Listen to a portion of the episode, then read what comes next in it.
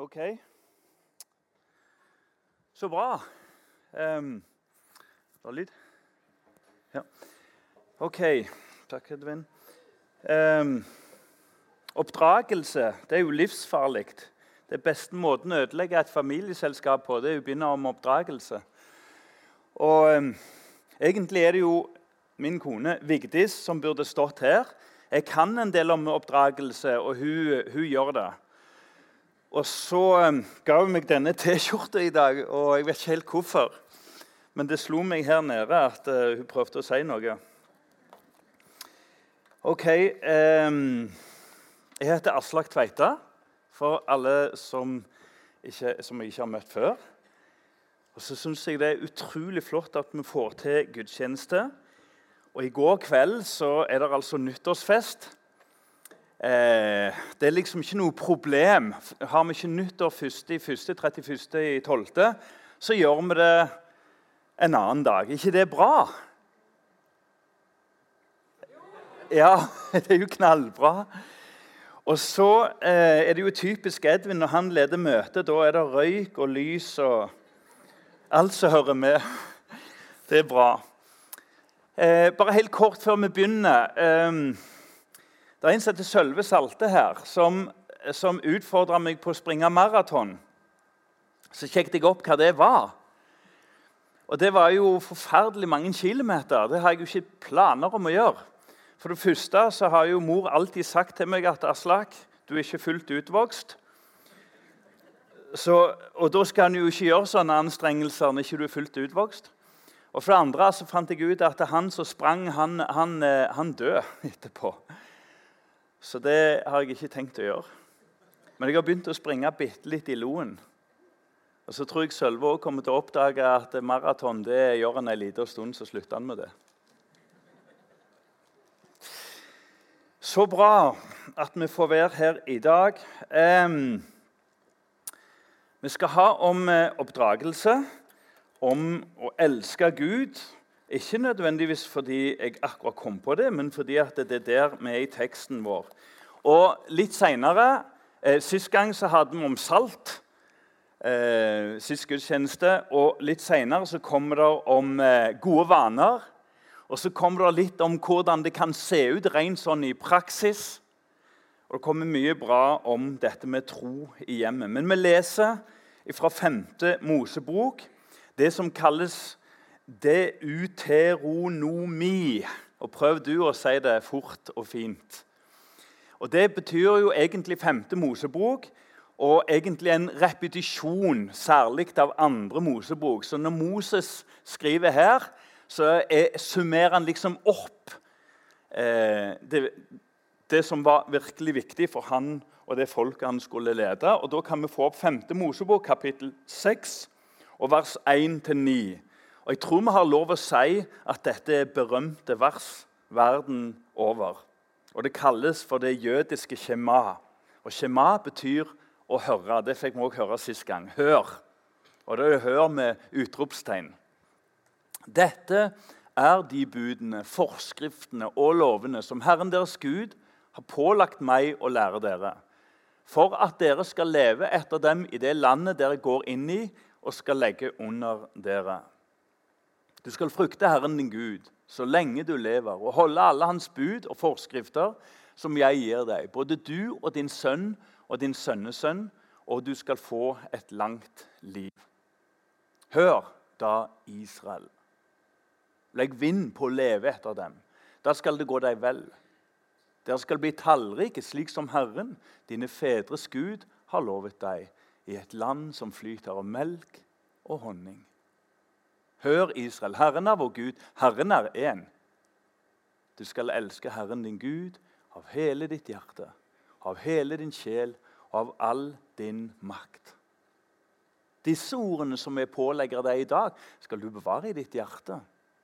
Du skal gjenta dem for dine barn og snakke om dem når du sitter i ditt hus, og når du går på veien, når du legger deg, og når du står opp.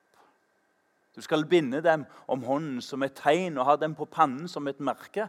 Du skal skrive dem på dørstolpen i huset ditt og på portene dine. ehm, jeg håper at det, det kan være noe for alle her inne.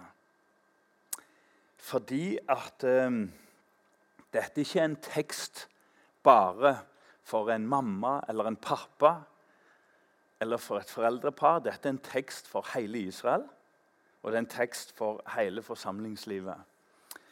Og sjøl så bare en sånn liten ting som jeg har tenkt på sjøl her, er at når jeg ser unger, ungdommer særlig, så har jeg blitt mye mer bevisst på Ikke sikkert andre opplever det sånn, men mye mer bevisst på å se dem, bekrefte dem og på en måte anerkjenne at de er her i Guds hus. Og enda kjekkere er det hvis jeg treffer dem òg andre plasser.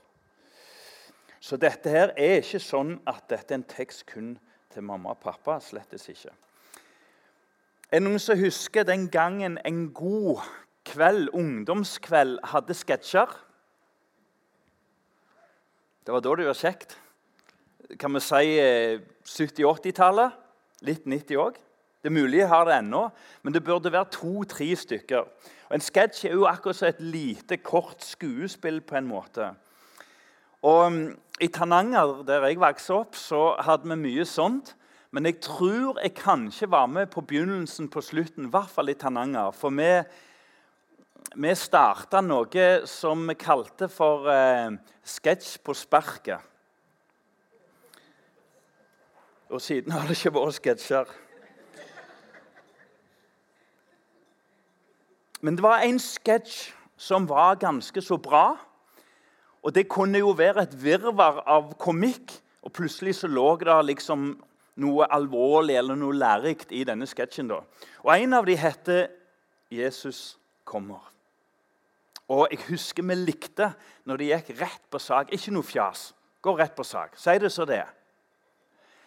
Det er en sketsj om en familie som eh, eh, sitter hjemme en helt alminnelig kveld før, før eh, trykkeritelefoner og sånt.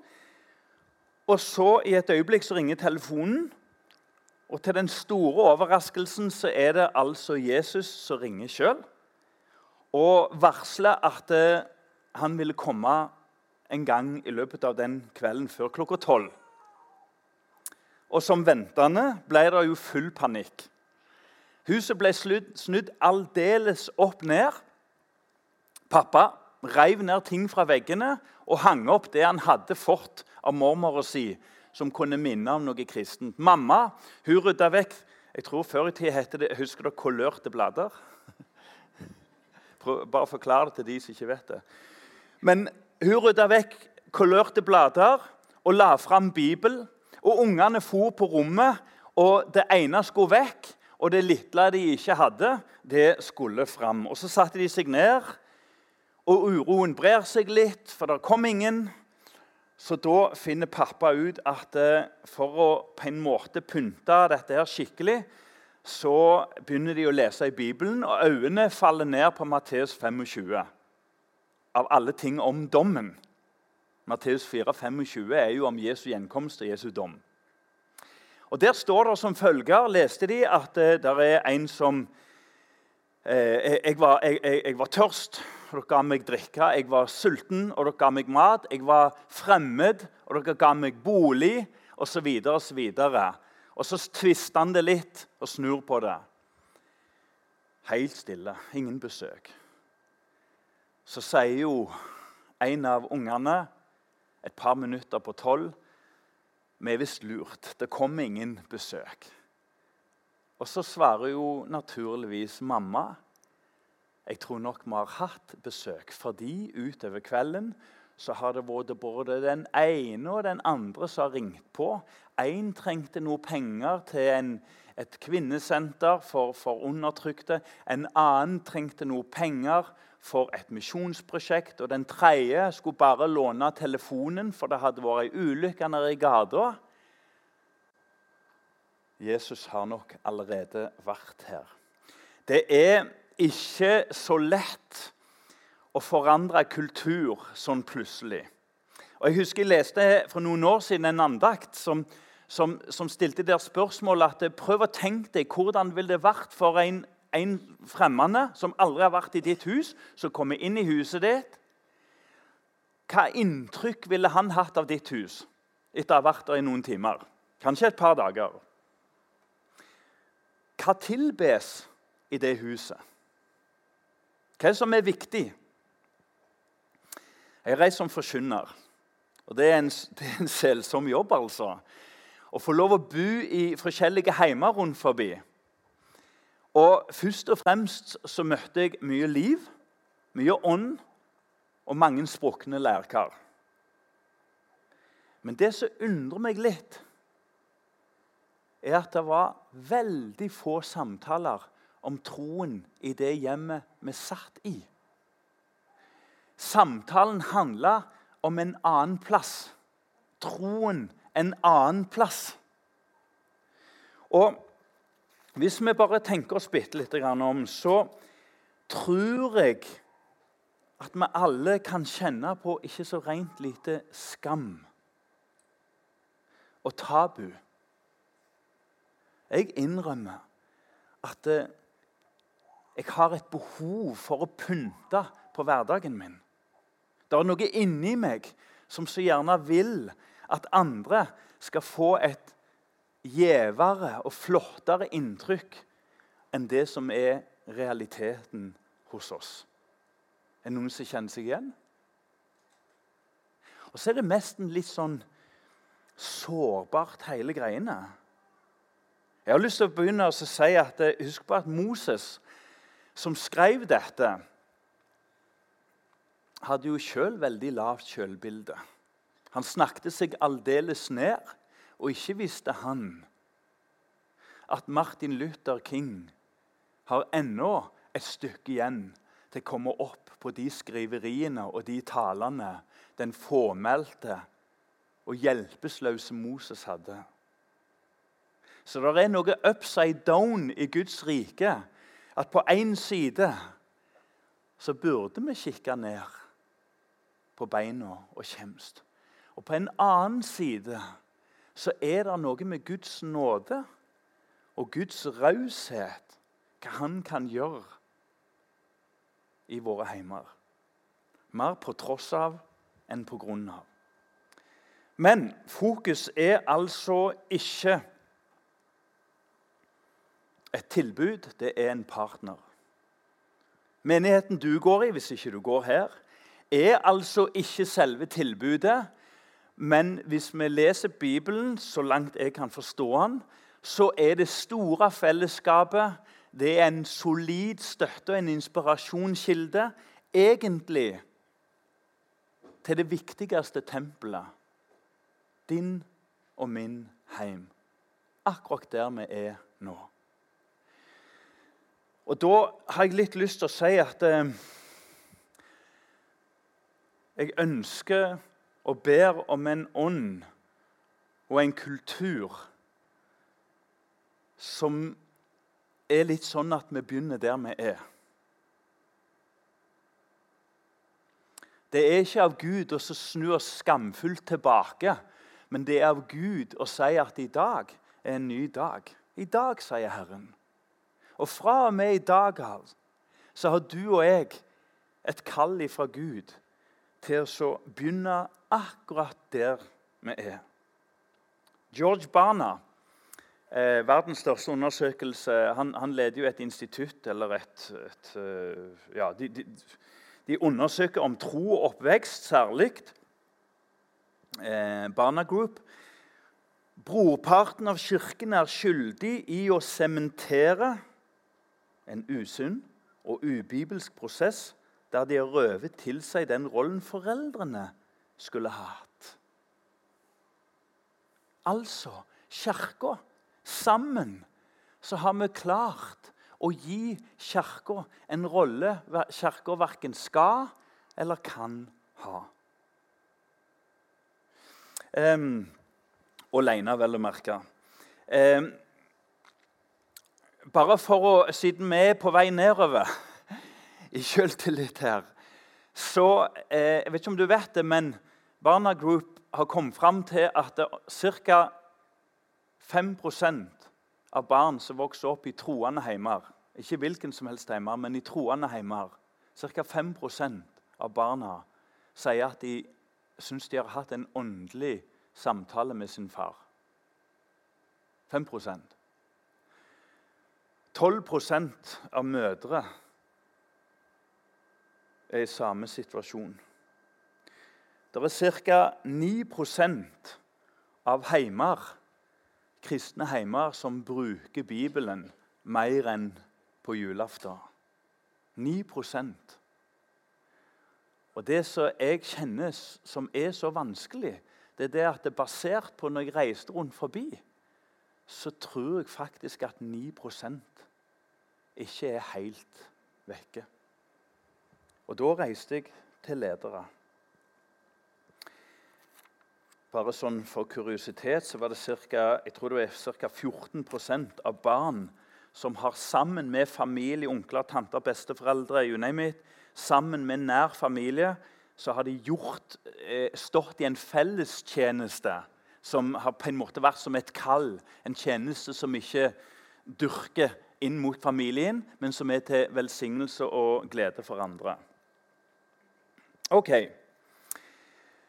Um, tenk om vi kunne få lov å lufte blikket når eller hvis realiteten er så så reell. Um, Shema, hør. Altså, Når Moses sier dette, så står han oppå jeg tror det er noe som heter Moabs sletteland. og De er i dette området her. Det har gått 40 år. Han er ganske nærme sin egen død. Og Så får han lov å gå opp på et fjell som ikke jeg husker navnet på. og Da kikker han over mot det som er dagens Jeriko. Og Der er jo den der Jordanselva og Jordans bredd, hvis du har hørt om det.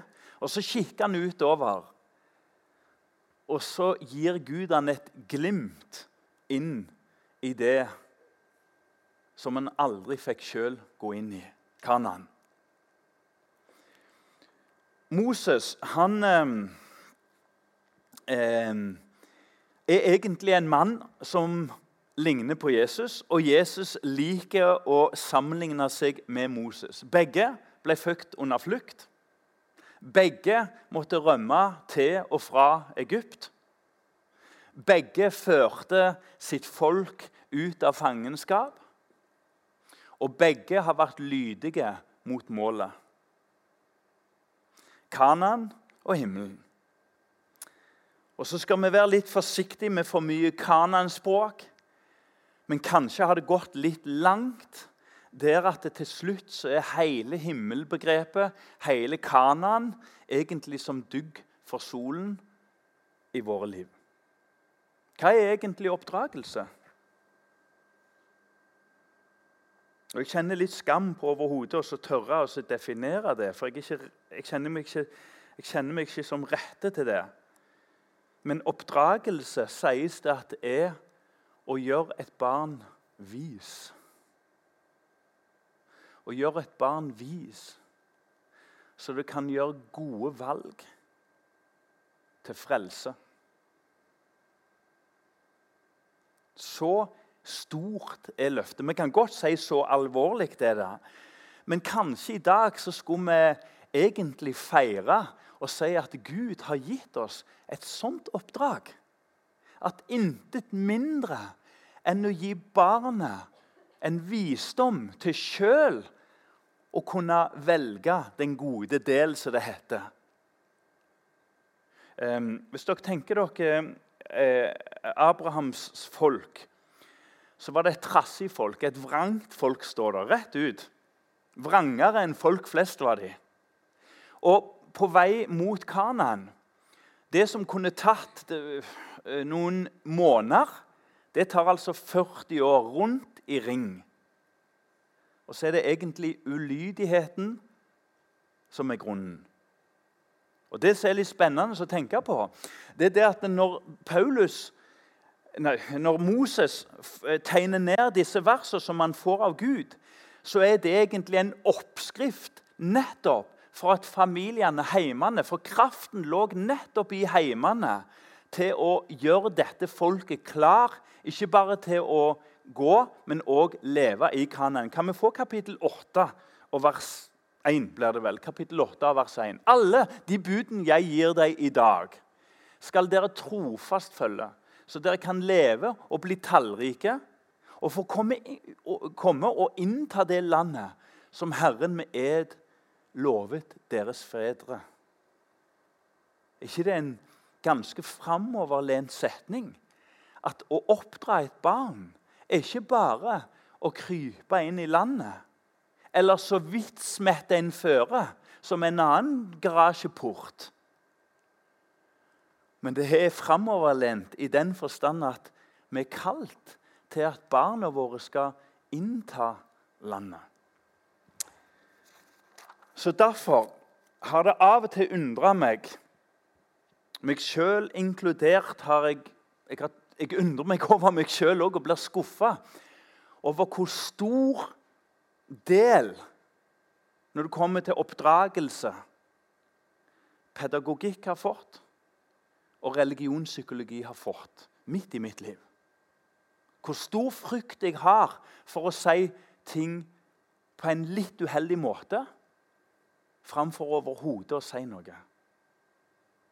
For å ha en litt uheldig innfallsvinkel. Og så ender det med at jeg som pappa velger å sitte i ro i båten, som vi sier. Sitte i ro i båten, hvis du lurer på det, så er det noe du gjør bare i noen helt spesielle øyeblikk. Men generelt så går det galt på sjøen når du sitter ro i båten. Det er ikke et godt uttrykk i sjømannssammenheng. Det er ikke positivt meint. Um, det blir litt sånn at uh, vi kan nesten ikke utfordre hverandre. Fordi det viktigste er at ingen blir såra. Det viktigste er at det til enhver tid er positivt. Er dere med? Og så blir vi egentlig med på å umyndiggjøre hverandre. Men dette her er litt av et fantastisk oppdrag som vi ikke må tie stilt med. Hvis vi tar noen ting som liksom det innledes med, som er sånn grunnholdninger for onkel og tante, bestefar og mamma og pappa Så Det første som dukker opp, det er at Herren er én. Én. Og I vår sammenheng så er det, trekker vi litt sånn på skuldrene. Men i den tida så tilba han jo alt og alle. Det var en gud for alt og alle. Og vet du det? Akkurat nå så er vi som land på vei til den situasjonen Moses var i. Hva var det vi hørte for 14 dager siden? Hvordan mister saltet sin kraft? Ved at det utvannes. Ved at alt er like viktig. Ved at alt velles og fylles og velles og fylles.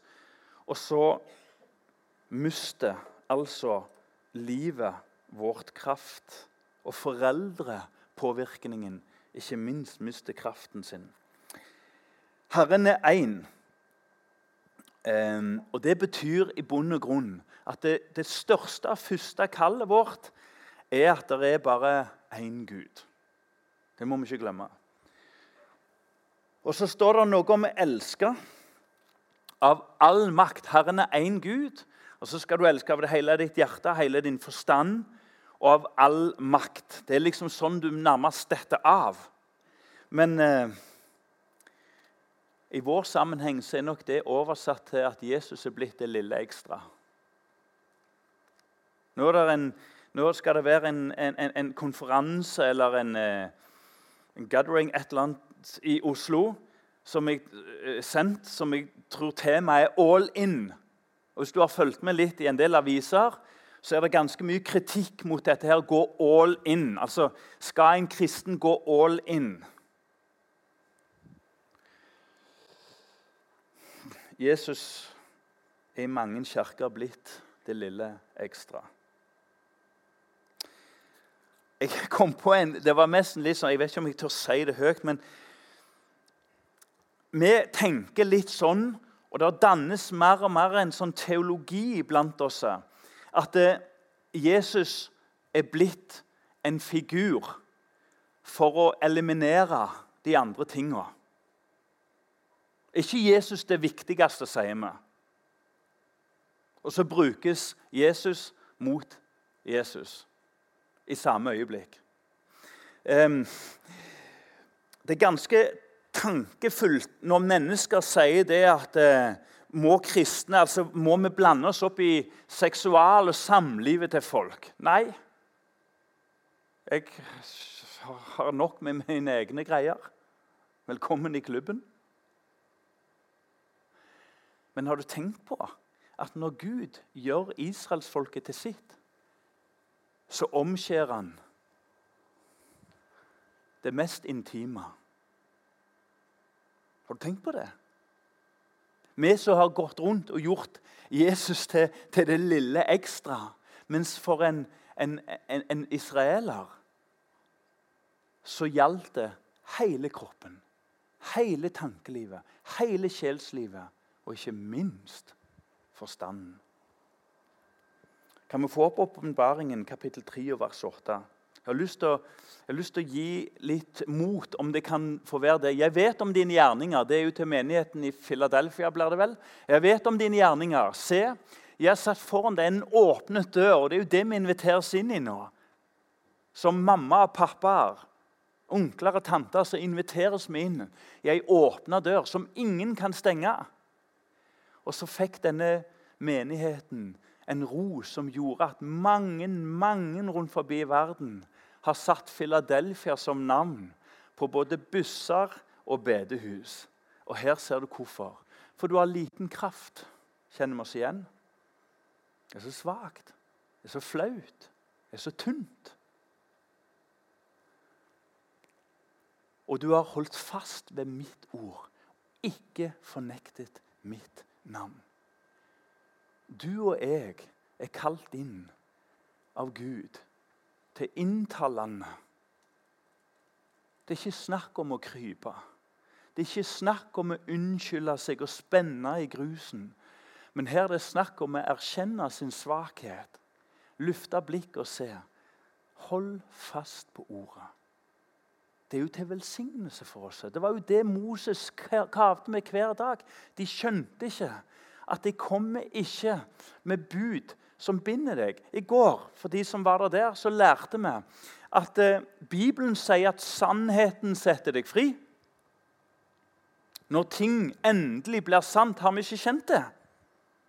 Når vi bryter isen, når endelig det klamme slipper tak, og vi får lov å snakke ut og, og, og, og sagt så sant som vi bare kan, så slipper kloa i relasjonen, og ikke minst i gudsrelasjonen. Dagens store idé og religion i dag er stikk motsatt. Det er ikke at er sannheten setter deg fri, men det er at friheten gjør deg sann. Hvis du bare frigjør deg for noen ting som helst, ikke la deg bli bonden til noen ting som helst, holde alle dører til enhver tid åpen, ja, da er du fri. Og her må vi ta et valg. Dette kan vi ikke få fred for. Det holder ikke å få fred for dette. Her må vi ta et valg. Er det sannheten som setter våre barn fri? Eller er det friheten som dyrkes til det religiøse, som skal sette et barn i sannhet? En fantastisk tekst som Philadelphia fikk over sitt menighetsliv. Elsker Herren. Skal vi si da? Jeg tenkte Peter, headhunta. Går han der på sanden, stranda, kikker utover båten og har rota det aldeles til? Jesus er knapt begravd før han har gitt opp og begynt å fiske igjen. Og så kommer Jesus til ham. Og så er det tidenes eksamen. Eller tidenes eh, hva er det vi kaller det, egnethet. Er det ikke det det heter når du kommer til jobbintervju? Så, så, så, så blir du sjekka for egnethet. Eller skal vi si identitet, kanskje? Så spurte ikke Jesus 'Vokt mine får'. Han spurte, 'Elsker du meg?' Ja, svarte Peter. 'Du vet jeg elsker deg.' Ja, så vokt mine får. Så fø mine får. Elsker du meg, elsker du meg, elsker du meg? Tenk om pappaer her inne kunne synliggjort litt mer, et lite steg, i at det er en personlig relasjon. Den hellige ånd er ikke sånn som denne røyken her. Jeg trodde ikke den dagen skulle komme at jeg sto i røyk på en scene her. Men det er ikke som en sånn der røyk. Men det står 'når Han kommer'. Sjøl Den hellige ånd er altså en person som søker relasjon. Intimt og nært forhold, særlig til pappa. Ekte tro og nærhet, sies det. Ekte tro og nærhet har kraften, har vært mønsteret i de heimene der ungene har valgt å følge mesteren. Og så har jeg lyst til å bare si en ting før vi Nå skal jeg bare pløye gjennom noen sånne stikkord som jeg har prøvd å plukke ned fra gode venner og, og ikke minst meg sjøl. Og eh, jeg håper at vi kan være sensitive og rause når vi ser våre venner ikke lykkes, og ser at barna går en annen vei. Og Så håper jeg òg vi kan sette mot i hverandre. Jeg er gammel nok til at mine barn har sagt ting som ikke akkurat var et søndagsskolesvar. Ikke at de bander. Tenk så flott om vi kunne få gå sammen med hverandre. Og så er det plass til hverandre. Og så skal folk få lov å slippe å trekke seg fra fellesskapet når unger trekker seg fra bedehuset. Og så skal gode venner få lov å slippe å stå alene, sånn at de skifter teologi når barna skifter livsstil.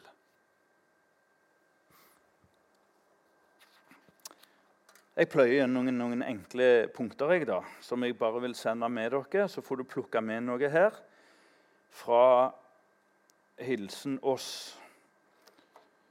Og kom gjerne hjem og se hvordan det egentlig er. Snakk med hele familien. Jeg glemmer aldri hjemme i Tananger Ankeringen 35. Så kom jeg hjem en gang til mor og far. Og så eh, hadde vi kveldsmat, og vi hadde kveldsmat eh, 1915. Ikke 1845, 1915. Og Det var en kveldsmat mine venner kunne se langt etter. Jeg syntes det var flaut, for vi hadde hjemmebakt brød. Så det var kjempeflaut. Og Så satt vi der, og så sa mor og far en dag i dag vil vi snakke om noe.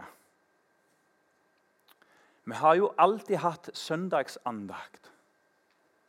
Men mor og meg, som far sier, vi er kommet til det at vi vil ha andakt hver dag.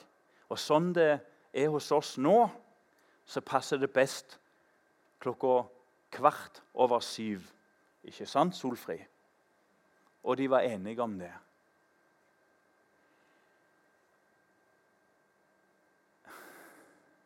Mor og far tok oss inn i deres drøm.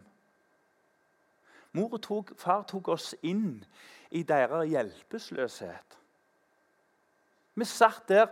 Det var ikke så mye liksom, innlegg og, og kjør debatt. Liksom. Det var ikke en veldig sånn Skulle vi gjort det sånn eller sånn? Men bare det lille hjelpeløse forsøket på å si at vi har gjort sånn, men nå gjør vi det sånn Jeg tror jeg var syv-åtte år, hvis jeg skal gjette. Jeg ble egentlig tatt med inn i mamma og pappas nød for oss alle. Og for meg i hvert fall så bandt oss i sammen på en måte som jeg tror ikke mor og far skjønner rekkevidden av. I går kveld satt vi noen venner og leste denne teksten. Hun ble halv to før vi måtte slutte av. Fordi teksten henger ikke der oppe i kompliserte treenighetsteologi. Men den er helt enkel i sin form, hvordan min og din hverdag kan se ut. Tenk så flott av trossamtaler. Jeg øver meg, men det er noen anledninger som har gått forbi. Du har gjerne sånne bilder sånn, som jeg hadde i hvert fall hjemme. Sånne som disse herrene, sånne engler. De klarer det kunststykket å være nede i bakken uten å bli skitne. Og så er det sånne barn som går over ei bro, og en engel som eh, av en eller annen merkelig grunn ser ut som ei dame. Eh, enn Bibelen sier at eh, engler er menn, men det skal vi ikke nevne så høyt. Og så får en ofte det bildet av nærmest litt sånn stearinlys og disse herrene 1800-talls huspostillbildene, der en sitter og leser over andakten. Og så var det ikke helt sånn hverdagen ble. Dere som har små barn Hvorfor-alderen gikk litt forbi hos meg. Den kom ikke igjen, har jeg skjønt. I hvert fall ikke nå. Den der 'Hvorfor er er gresset grønt? Og hvorfor er vannet vått? Det er jo et veldig godt spørsmål. altså. Hvorfor er vannet vått? Og så gikk det toget. Så prøvde jeg å svare. Og så glemte jeg at jeg kunne jo sagt 'fordi Gud'. Så vil noen kalle det manipulering. Og så får det stå åpent, da. Fordi Gud. Trossamtaler. Nøkkelen er ikke selve svaret, men nøkkelen er jo å få lov å komme i en samtale. Og Når ungene blir ungdommer, så må en gå mer og lengre veier. Det er i hvert fall min erfaring. og Jeg tror det er noen som kjenner seg igjen. At det, det er ikke så lett å sette seg hjemme og, så, og sette seg ned og si hva tenker du om den arianske strid det er liksom ikke Hva tenker du om Østkirka? Eller, eller utviklingen i Vest, Vestkirka? Det er heller ikke så lett å si har du et rett forhold til Gud. Det er ikke så lett. Men det er noe med å være våken for disse omveiene som til slutt strengt tatt var en samtale om de viktige tingene. Hvis vi var våkne. Ordspråkene 22 og vers 6 er ikke bare for flotte plakater i solnedgang. Ordspråkene 22, 6. Hvis det får kjøtt på beina, eh, lær gutten den veien han skal gå, så forlater han den ikke når han blir eh, gammel. Del erfaringer. Nå bare pløyer jeg videre. Del erfaringer. Eh, er det gudgitt at et barn spør en pappa fortell når du var liten? Jeg er alene? De er helt like, alle ungene. Fortell når du var liten, pappa. Fortell når du var 18 år, pappa. Er det Gud? Tenk så flott om du og jeg kunne gjøre sånn som profetene og lederne i israelsfolket. De som skaffet seg en stav og så skar de merker fra år til år. Hvorfor gjorde de det? Fordi de ikke skulle glemme. Hva var det Moses sa? Glem ikke hvem som førte dere ut fra Egypt. Og Nå kommer det noe veldig viktig. Vi kan ikke bare snakke om Guds ledelse. Vi kan ikke bare skjære inn et hakk for den gangen Gud gjorde noe smått som ga oss mye, eller noe stort som var altavgjørende kunne vi òg skåre et hakk i livsstaven når Gud ikke fantes. Når Gud ikke svarte. I teologien så snakkes det noe om å tro på Gud av negative årsaker. Det er som et krasj inn i vår tid. Å tro på Gud av negative årsaker. Det betyr når alt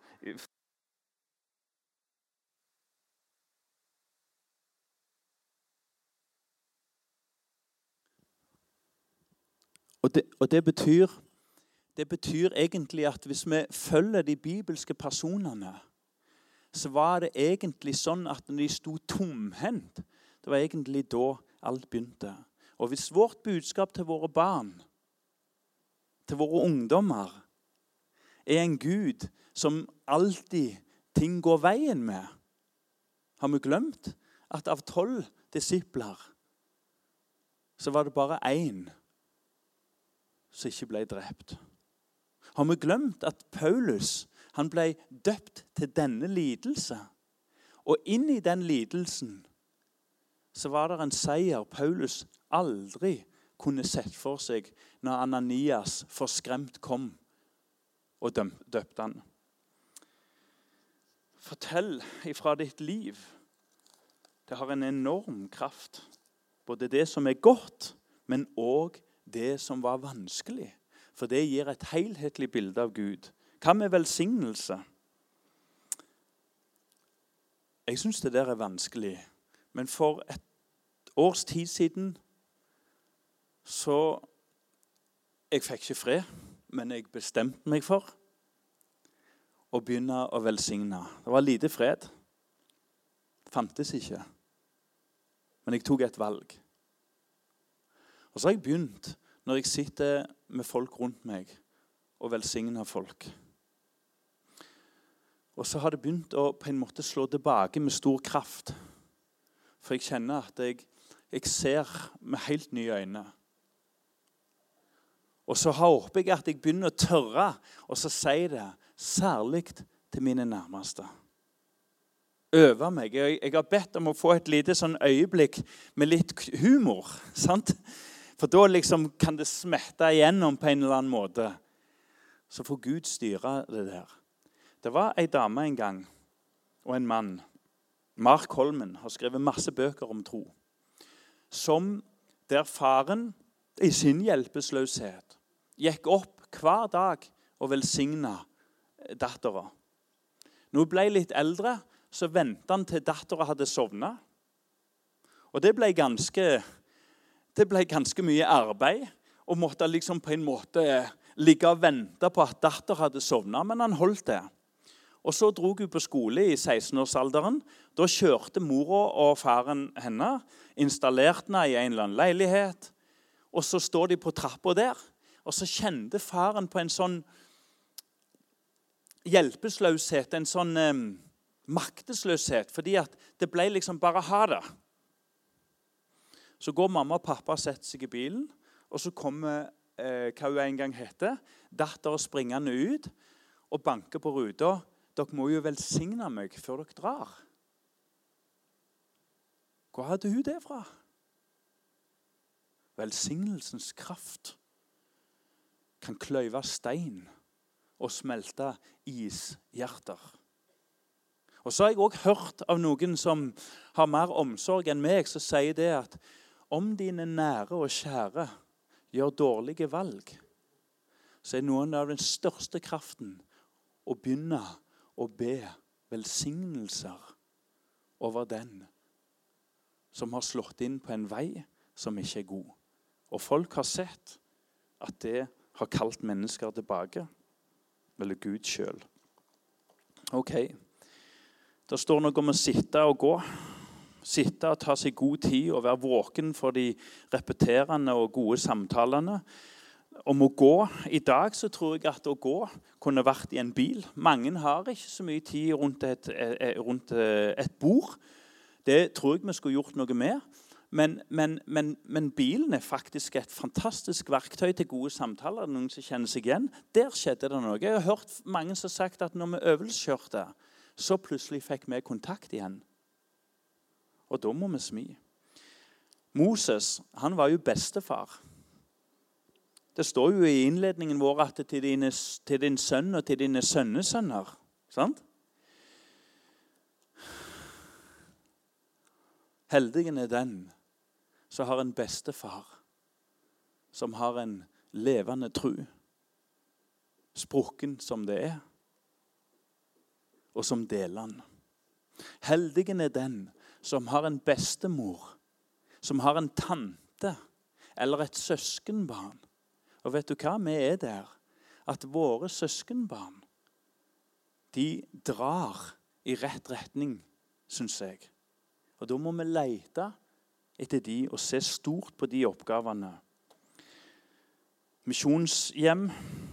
Hvem har ikke kommet inn i et kristent hjem og merka nærværet? Jeg møter ennå folk som kommer bort og sier 'Aslak, husker du når vi var nede i kjelleren hos dere?' Saft det var før gøysafter. Det var jo hjemmelagt. må vite, Det var litt flaut.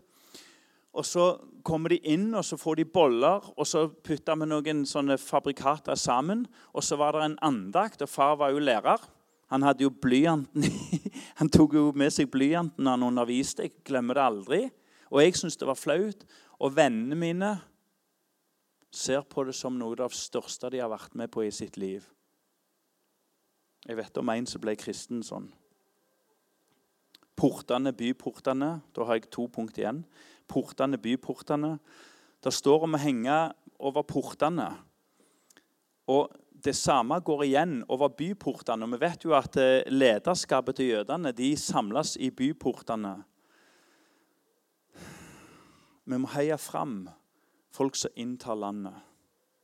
Vi må heie fram folk som tør gå inn i politikken. Du er galen, men vi heier på deg.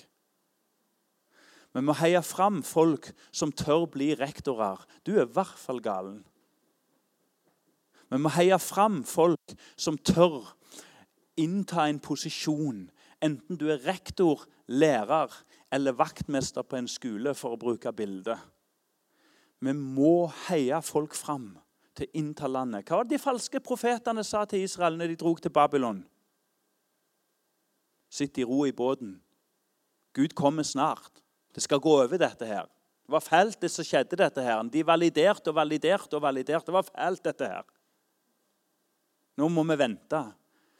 Mens de sanne profetene sa, innta landet. Innta byportene. Hvor lenge skal vi sitte i dette landet og tvinne tomler? og snakke om Hans Nilsen Hauge som en som var.